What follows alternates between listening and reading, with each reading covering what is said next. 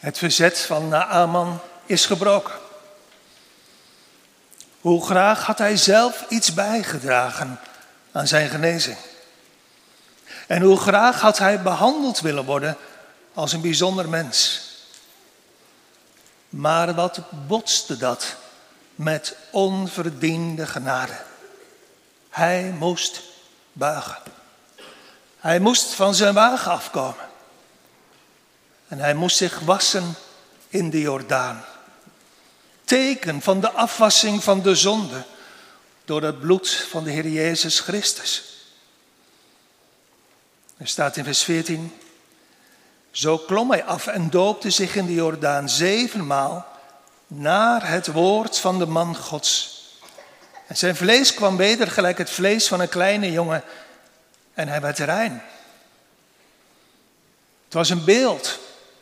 Het wees allemaal heen naar iets anders. Naar hoe God ook in deze tijd onreine zondaars genade geeft. Zonder iets van ons.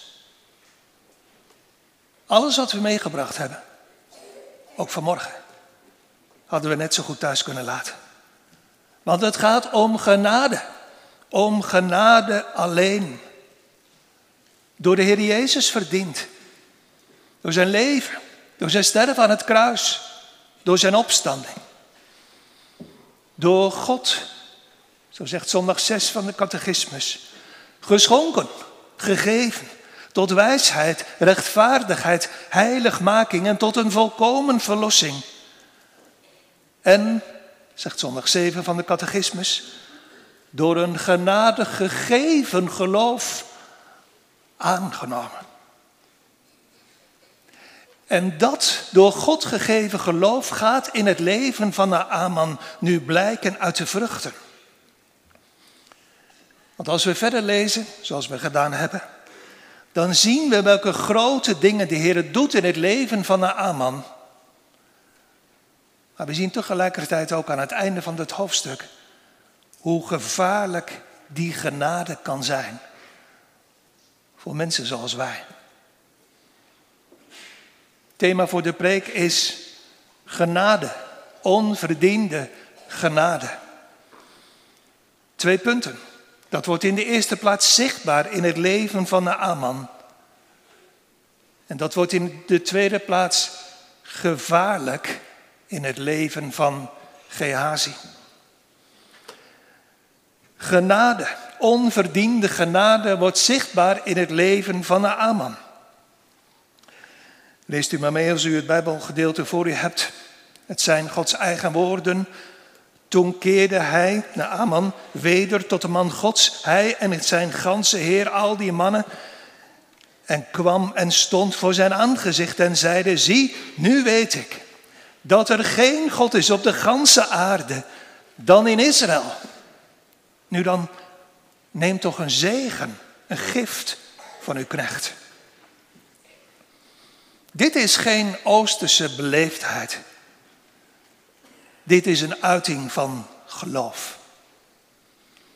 Deze man, dat weet u, is niet opgevoed bij de waarheid van de God van Israël.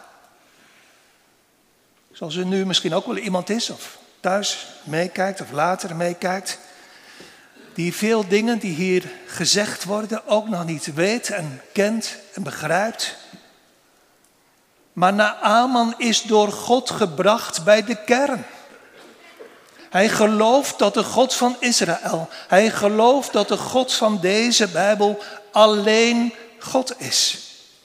En hij gelooft dat alles wat God zegt waar is. Hij zegt er is geen God op de hele aarde dan in Israël. Met andere woorden, dan de God van Israël. Met andere woorden, dan de God van deze Bijbel. Gelooft u dat ook? Geloof jij dat ook? Ja, ik bedoel echt, met je hele hart. Of dien je stiekem andere goden?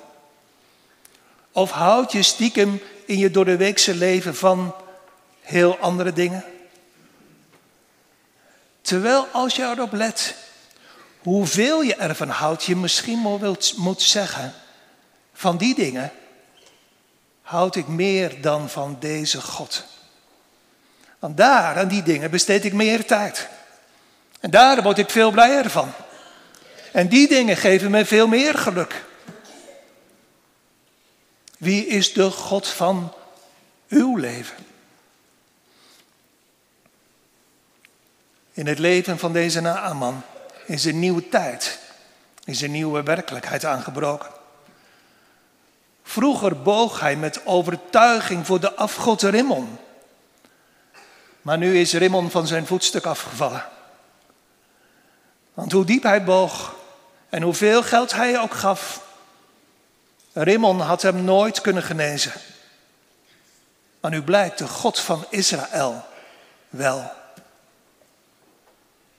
De Heere God heeft naar Aman geloof gegeven in hem.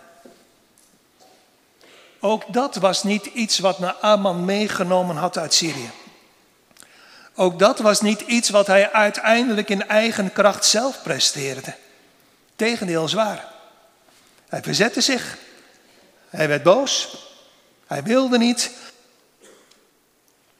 Zijn geloof was, zo noemt Paulus het later, een gave. Een gift van God.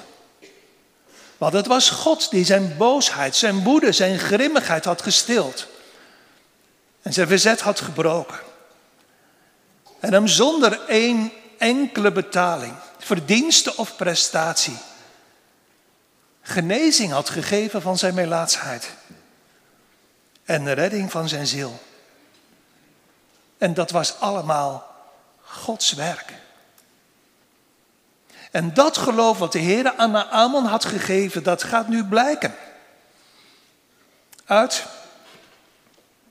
in de eerste plaats, ik zei het al, uit zijn beleidenis. Uit de beleidenis van zijn geloof, er is maar één God. En dat is de God van Israël. Maar zijn geloof blijkt, dan gaat het over de vruchten van het geloof in de tweede plaats, ook uit zijn nederigheid. Want weet je nog, jongens en meisjes, hoe trots Naaman was?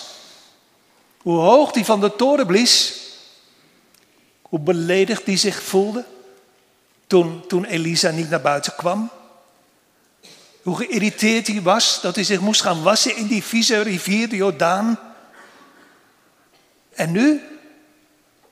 Nou, dat is Gods werk. Nu noemt hij zich heel nederig uw knecht. Niet één keer, maar vijf keer. Zijn geloof blijkt uit zijn beleidenis, uit zijn nederigheid. En als derde ook uit zijn dankbaarheid en liefde. Hij wil graag iets teruggeven. Hij zegt nu dan, neem toch een zegen, een gift van uw knecht. Maar Elisa is resoluut. Vers 16. Maar hij zeide, zo waarachtig als de Heer leeft, voor wiens aangezicht ik sta, indien ik het nemen, niet dus. En na Aman hield bij hem aan, opdat hij het nam. Doch hij weigerde het. Geld of goud of zilver aannemen betekent immers doen alsof God iets doet, iets geeft voor geld. Niet voor niets, maar toch nog achteraf betaald. Maar nee, genade is voor niets. Genade is vrij. En dus weigert Elisa iedere mogelijke gift van Aman. En het geloof van Aman blijkt ook. Ja, en ik zeg dat natuurlijk niet zomaar om dit op te sommen, maar als een spiegel voor u en voor mij. Zijn geloof blijkt ook uit zijn vaste besluit. Kijk maar even 17. En Aman zeide, zo niet. Laat toch uw knecht gegeven worden een last aarde van een juk muildieren. Want uw knecht zal niet meer brandoffer of slachtoffer aan andere goden doen, maar aan de Heere alleen. Hij is vast besloten. Van nu af aan zal hij nooit meer offeren aan een andere God.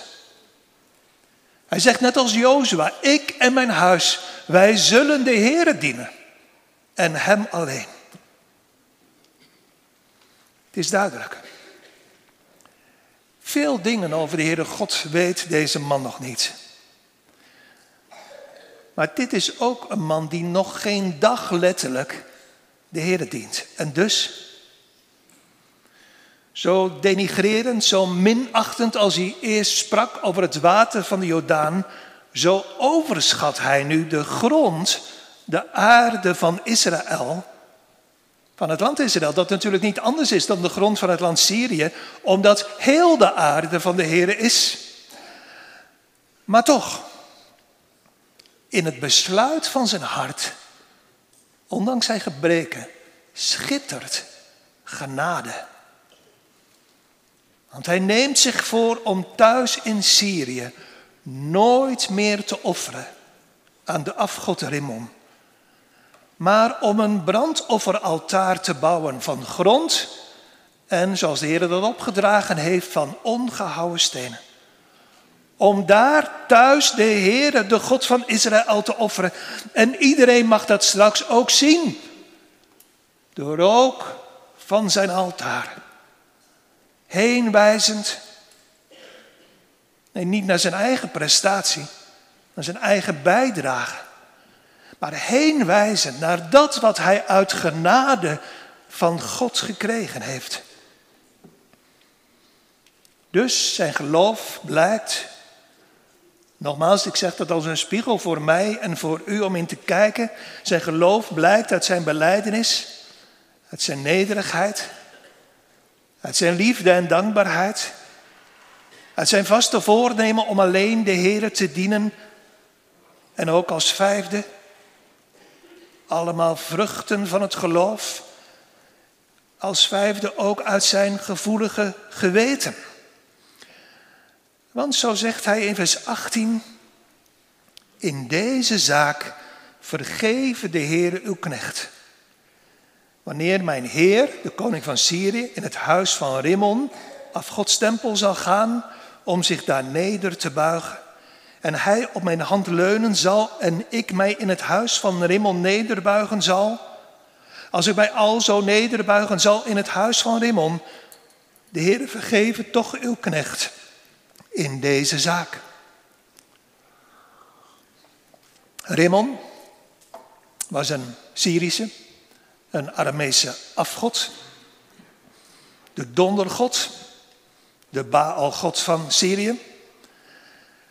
En Naaman als belangrijke en misschien wel als belangrijkste adviseur van de koning, op wiens arm de koning leunde, dat wil zeggen, die hem adviseerde hij werd geacht om met de koning mee te gaan als die de tempel van Rimmon binnenging.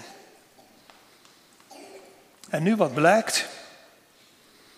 Deze Naaman heeft op zijn terugreis van de Jordaan naar de profeet Elisa al heel diep nagedacht over de toekomst van zijn nieuwe geloof. Hij realiseert zich direct dat het niet meer past bij heel veel dingen uit zijn oude leven. Dat botst met zijn geweten, dat botst in zijn hart. En het gaat ongetwijfeld ook tot problemen leiden in zijn werk. Hij toont een gevoelig geweten te hebben. De botsing tussen zijn exclusieve toewijding aan de God van Israël en de verwachtingen van de koning van Syrië. Die botsing baart hem direct al zorgen. waren alle Bethel bezoekende en Baal kussende Israëlieten maar even bezorgd als hij. En waren alle kerkmensen, zoals wij, ook maar zo bezorgd als hij. Want hoe zit dat eigenlijk bij ons, geliefde gemeente? Misschien zegt u, ik heb eigenlijk nooit problemen op mijn werk. Ik heb echt nooit ergens last van. Niet? Nee, zegt u, want niemand weet eigenlijk dat ik christen ben. Dat heb ik mijn collega's eigenlijk ook nooit zo verteld, daar praat ik niet over. Dat is niet goed, lieve mensen. Dit wat Naaman hier zegt is beter. Paulus zegt, ik schaam mij het evangelie van Christus niet. En Petrus schrijft, wees altijd bereid tot verantwoording van de hoop die in u is. En deze Naaman zegt, waar ik ook ben en hoe het ook gaat, ik zal alleen de Heere dienen. En iedereen mag dat zien in Syrië en iedereen mag dat weten. Kijk maar, mijn zelfgebouwde altaar. Maar, ja, ik vind het wel lastig. En wie van ons zou dat deze pas bekeerde man kwalijk nemen? Ik vind het wel lastig, want, want hoe moet het straks met mijn werk? En dus zegt hij, vergeef me dat ik wel met mijn baas, de koning van Syrië, mee zal moeten naar de tempel van Rimmon. Maar nooit zal ik in mijn hart ooit nog buigen voor Rimmon, voor Hadad, voor Baal. Ik zal ze nooit meer dienen. Nemen wij dat deze man, naar Aman, kwalijk? Elisa in ieder geval niet. Hij keurt het niet goed, hij keurt het niet af. Hij zegt, ga heen in vrede. Het is een antwoord van liefdevolle verdraagzaamheid, ongetwijfeld vertrouwend dat de Heer zelf deze man verder zal leren en zal leiden op zijn moeilijke weg. Immers, en dat is nog zo, de Heer leert zijn kinderen niet alles, hier letterlijk, in één dag. Maar de kern van dit gedeelte van deze geschiedenis is, zo begon ik er ook mee, Naaman heeft een teer geweten. Koning Ahazia in 2 Koningen 1 vraagt zonder te aarzelen en zonder te blikken of te blozen naar Baal Zebub. Deze Naaman maakt zich maanden tevoren al bezorgd hoe dat straks moet. Hoe zit dat gemeente eigenlijk met ons in deze moderne, godloze tijd? Misschien werk je ook wel op een plek waar heel veel dingen verkeerd gaan. Je ziet het, je merkt het gewoon. Er wordt gefraudeerd, mensen worden slecht betaald, vindt onrecht plaats, arbeidsmigranten worden uitgebuit, er wordt gevloekt. Je leeft met andere woorden van maandag tot vrijdag, vlakbij de tempel van Rimmon. Je blijft staan op de plek die de Heer je gaf. Goed zo, jonge mensen, blijf staan. Vlug niet weg in de veiligheid van de revo-wereld. Blijf staan op je plek in deze seculiere, godloze maatschappij. Soms spreek je geweten wel. Wees daar dankbaar voor. Dat is de waarschuwende stem van God die je weg wil houden van de zonde. Je werk, wat voor werk het ook is, brengt je soms langs de grens van wat je niet mag doen. Blijf biddend staan aan de goede kant van de grens. Blijf weg van de zonde. Dien God meer dan je baas en je collega's en de Heer zal je ongetwijfeld helpen. Maar loop alsjeblieft niet weg van die moeilijke plek. Want nou, want dan gaan je baas en je collega's iets missen. Wat levensreddend voor ze kan zijn of worden. Ik bedoel net als bij deze Naaman, je altaar. Je zichtbaar dienen van de enige God. Laat dat altaar, hoe moeilijk je plek ook is om te werken, dagelijks branden zodat men het aan je ziet, en je ruikt. Hij is geen aanbidder van onze mammon, En zij? Zij dient zichtbaar en merkbaar haar eigen God. Gemeente Naaman stijgt in allerlei opzichten ver boven ons uit. In zijn openhartige publieke beleidenis. In zijn hartelijke voornemen en stellige belofte om God alleen te dienen, ook in Syrië. En in zijn gewetensstrijd rond de exclusieve aanbidding van God alleen. Midden in die godloze, afgodendienende maatschappij. Waar hij van de Heer zo'n belangrijke plek gekregen heeft. Wat moet deze geschiedenis, gemeente, destijds irritatie opgeroepen hebben bij vrome Joden? En wat riep het later irritatie op in de tijd van de Heer Jezus? En wat roept het ook nu irritatie op? De Heer gaat zo vaak de kerk, de Heer gaat zo vaak ons met al onze godsdienst voorbij. En hij redt een heidense Syriër, een ongelovige, die alles deed wat wij niet doen. We dachten dat we beter waren. Totdat Gods genade hem of haar brak. Terwijl wij, trots als we zijn, niet wilden buigen. Zo zegt de Heer in Lucas 4. Er waren vele melaatsen in Israël ten tijde van de profeet Elisa.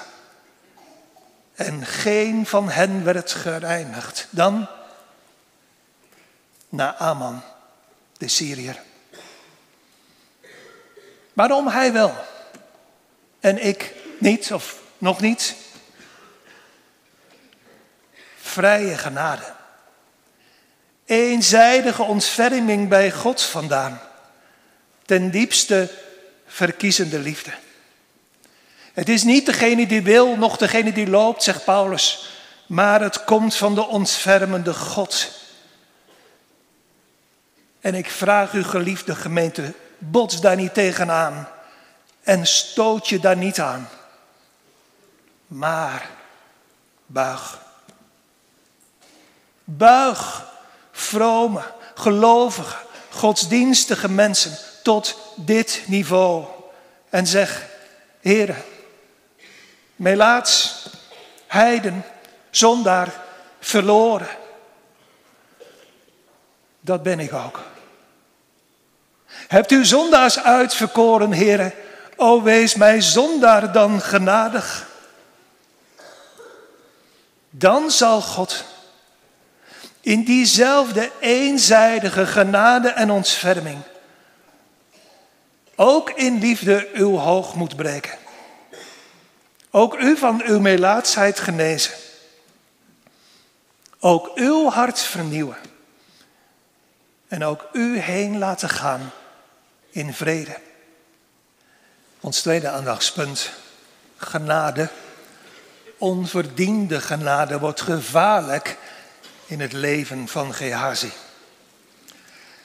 Ik lees in vers 19 en hij, Elisa, zei tot hem, ga in vrede. En hij ging van hem een kleine streek lands, vers 20. Gehazi nu, de jongen van Elisa. Ineens komt de knecht van Elisa Gehazi om de hoek kijken. Wie was dat eigenlijk, die Gehazi? Die, zoals staat in vers 20, die jongen van Elisa. Laten we samen even een paar punten op een rij zetten. Gehazi is de jongen, de knecht van Elisa. Zeven dagen per week in aanwezigheid van de man Gods. Hij ziet zijn leven. Hij hoort zijn gebeden. En hij luistert naar wat Elisa zegt. Hij is er ook vaak bij als Elisa lesgeeft aan de profetenzonen. Zoals pas, toen die profetenzonen wilde coloquinten kookte. Ze kookten er soep van. En toen een man uit Baal Salisa twintig gestenbroden bracht en groene aren. Hij heeft ook het gestorven zoontje van de Sunamitische vrouw gezien, die opgewekt is uit de dood.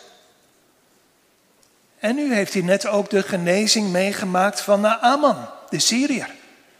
Eerst melaats, ongeneeslijk ziek. En nu rein.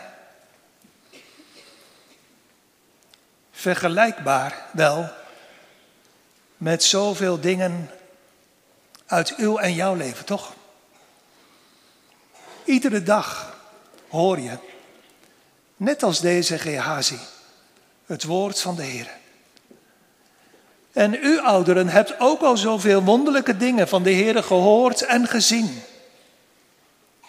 En wat heeft dat allemaal gedaan met uw leven? Wat heeft dat allemaal uitgewerkt in het leven van Gehazi?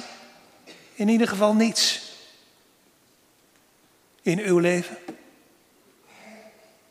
Zegt u het maar. Is uw godsdienst misschien ook net als bij Gehazi? Niet meer dan een jas die je op zondag aantrekt, maar die je vanavond weer uitdoet? Waardoor het nu iets lijkt aan de buitenkant, maar je binnenste, je hart, je verborgen leven en verlangen ziet niemand, van ons in ieder geval. Gehazi, hij doet gewoon wat hij moet doen. Hij zorgt voor zijn meester, hij is gehoorzaam, hij volgt hem waar hij ook heen gaat. Maar zijn hart ligt ergens anders. U, lieve mensen, doet ook wat u doen moet. U leest in uw Bijbel, u komt naar de kerk, u leeft, leeft als een voorbeeldig mens, maar, maar waar ligt uw hart? Uw leven is net als het leven van Gehazi vol van buitengewone, bijzondere voorrechten boven miljarden in deze wereld. Boven alles kent u het voorrecht dat u de woorden van God gekregen hebt. Maar zegeningen en voorrechten kunnen je ziel op weg naar de eeuwigheid niet redden. De vrouw van Lot was bijzonder gezegend door een huwelijk met een rechtvaardig man. Esau, Esau had godsvrezende ouders. Judas was een discipel, een volgeling van Jezus. En Demas een collega van Paulus. En ze gingen allemaal, ondanks al die voorrechten, verloren. Lieve mensen, u hebt meer nodig. U hebt nodig door de geest van God wederom geboren te worden. Anders kunt u het koninkrijk van God niet binnengaan. Als je dit Bijbelgedeelte snel leest, en dat moet je dan natuurlijk ook niet doen, maar als je dat doet, dan denk je, niet waar jongelui, God is ook streng. Eén leugen. En Gehazi wordt voor zijn leven lang gestraft met melaatsheid. Maar het is anders. Er is meer. Gehazi leefde een zondig leven. Gehazi was een vijand van genade en bleek ongevoelig voor al de roepstemmen van de Heer in zijn leven. Dat bleek uit wie hij was. Dat bleek uit wat hij deed. Dat bleek uit wat hij zei. Bleek kort geleden uit zijn afkeer van zielennood. Denk aan de Sunamitische vrouw. Als zij in groot verdriet aan de voeten van Elise komt, stoot hij haar weg. Het bleek kort geleden ook bij zijn, uit zijn ongeloof. Denk maar aan die man uit Baal Salisa. Die komt na een periode van honger eindelijk met twintig gestebroden en, en aren in de hulzen en het eerste wat Gehazi zegt is, man, dat is veel te weinig. En nu komt er weer iets opborrelen uit zijn zondige, ongelovige, onbekeerde hart. Vers 20. Gehazi nu, de jongen van Elisa, de man God, zei, zie, mijn Heer heeft naar Aman, die Syriër, die Syriër belet dat men uit zijn hand niet genomen heeft wat hij gebracht had. Maar zo waarachtig als de Heer leeft, ik zal hem nalopen en zal wat van hem nemen. Een paar dingen vallen als je goed leest op.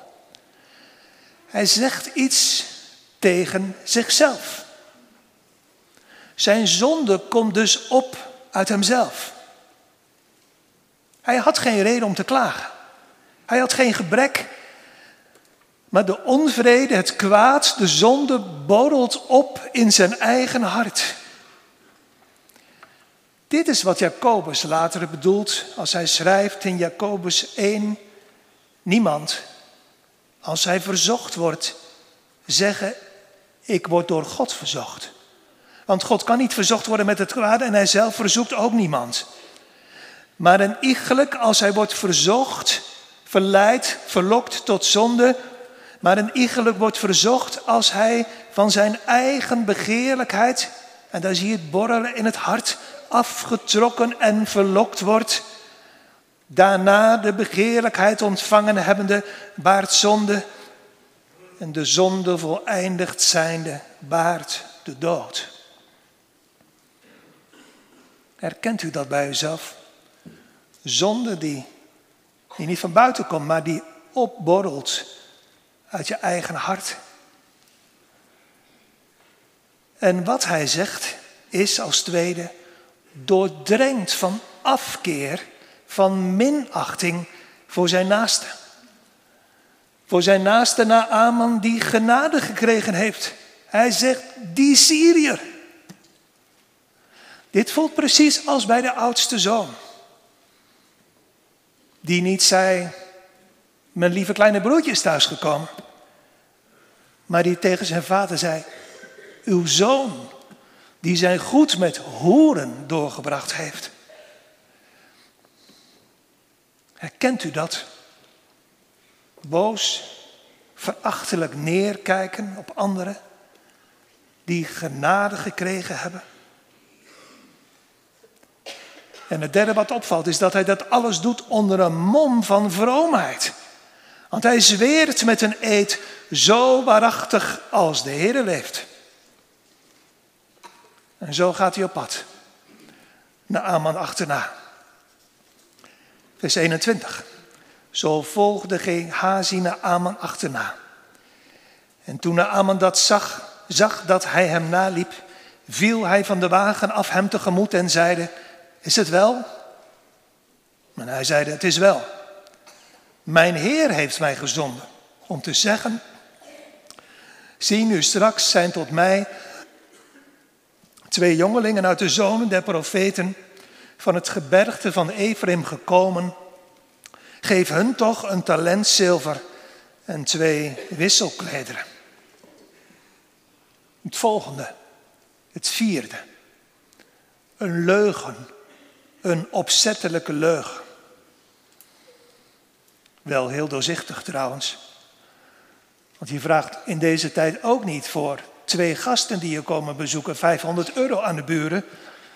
Eén talent zilver, 30 kilo zilver, 20.000 euro is wel echt heel veel voor een bezoekje van twee profetenzonen.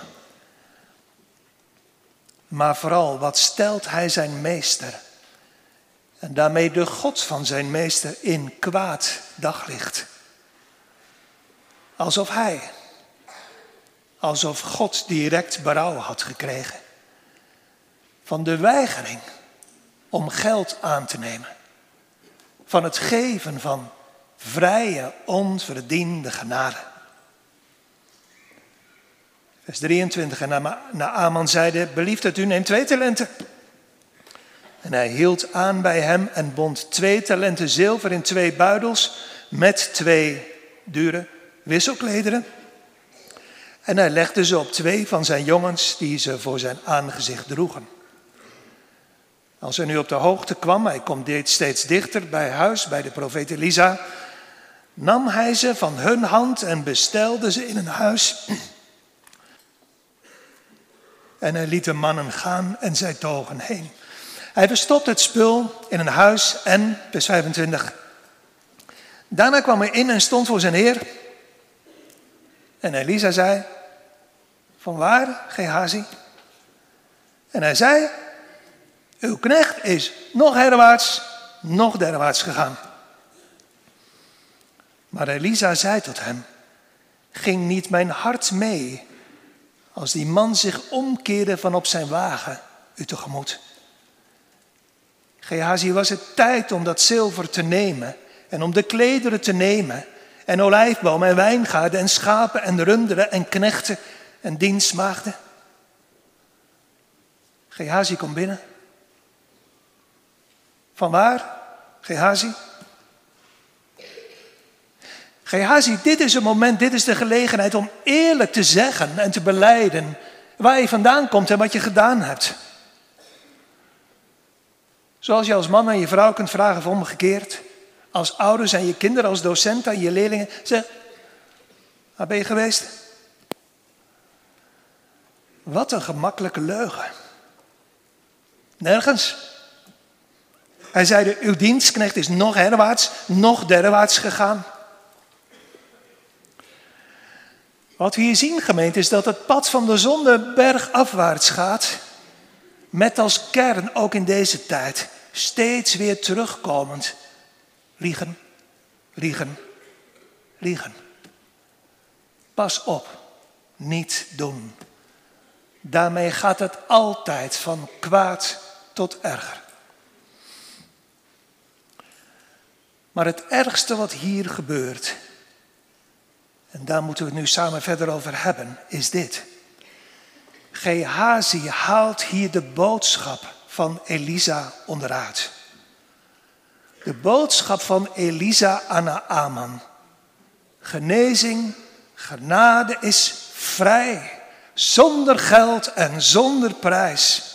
En alles wat je meegenomen had en hebt, had je gewoon thuis kunnen laten. Want mijn God is geen God die vraagt. Geen geld, geen goed. Geen nederigheid, geen eerlijkheid. Geen geloof, geen hoop, geen liefde, geen tranen. Want dat heb je toch allemaal niet van jezelf. Mijn God is een God die geeft, die alles geeft aan arme en verloren zondaars die nooit naar Hem gevraagd hebben en die Hem nooit gezocht hebben. En dat was in die tijd een revolutionaire boodschap. En naar het lijkt ook nu. Gemeente, je kunt een leven vol voorrechten en zegeningen van God gekregen hebben terwijl je in je hart lijkt als twee druppels water op deze Gehazi. De Heer zegt, ik wil niets van je aannemen, maar je mag alles van me krijgen. Ik wil alles aan je geven. Maar let op, dan zet ik jou erbuiten. Dan schakel ik u uit. U met al uw vroomheid, godsdienst, geloof, tranen, werken, ijver, geld. Maar dan, wat gebeurt er dan in uw hart? Komt er dan in uw hart ook niet een trekje van die vroegere Naaman? Vervuld met toren. Naar huis gaan met grimmigheid. Ik uitgeschakeld worden. Ik opzij gezet worden. Ik gelijk geschakeld met Naaman, met Gehazi, met hoeren, tollenaars. Ja, ja, bevrijdend. Want dan krijg je onverdiende genade. Jezus alles. Jezus alleen, die alles verdiende. In zijn gehoorzame leven. In zijn sterven aan het kruis. En die letterlijk alles uit genade onverdiend geven wil. En vooral zichzelf, de zaligmaker, de middelaar tussen God en mensen, voor niets. Want Jezus plus, dat gaat niet. Zo wil de Heer het niet. Jezus plus mijn inspanningen. Jezus plus mijn initiatief om te geloven. Jezus plus mijn voorbeeldige leven. Dat gaat zo niet, mensen. Zo wil de Heer het niet. Gemeente genade is wonderlijk. Genade schittert, dat ziet u bijna Aman. Alles krijgen. Niets. Maar tegelijkertijd is het gevaarlijk dat u hier ziet, want, zit, want genade is ook gevaarlijk. Dat ziet u bij Gehazi. Hij wordt melaats. Vers 27. Daarom zegt Elisa, omdat u de boodschap zo veranderd hebt, zal u de melaatsheid van Naaman aankleven en uw zaad, uw nakomelingen, in eeuwigheid voor altijd. Toen ging hij uit van voor zijn aangezicht, melaats, wit als sneeuw. Het had erger kunnen aflopen. Zoals Paulus zegt in Galaten 1, vers 8 en 9. Indien u iemand een ander evangelie verkondigt buiten dat evangelie van vrije genade dat u ontvangen hebt, die zij vervloekt. En het loopt nog erger met u af, lieve vrienden, als u vasthoudt aan dat andere evangelie. Jezus plus iets van mij. Genade is eenzijdig bij God vandaan. De Heer hoeft geen ruilmiddel. De Heer hoeft niet omgekocht te worden. Het is één van twee. Of uw kostbare ziel op weg naar de eeuwigheid wordt vrijgekocht door niets van u. Niet door uw vroomheid, niet door uw godsdienst, geloof, tranen, werken, geld, ijver. Niet door iets van u. Alleen door het kostbare bloed van de Heer Jezus Christus krijgt u uit enkel genade, eenzijdig bij God vandaan, door een nieuwe geboorte, door wedergeboorte, een, een geschonken geloof en een vernieuwd leven. Of, dat is de keerzijde, wat u ook probeert te geven of te doen, de toren van God blijft op u.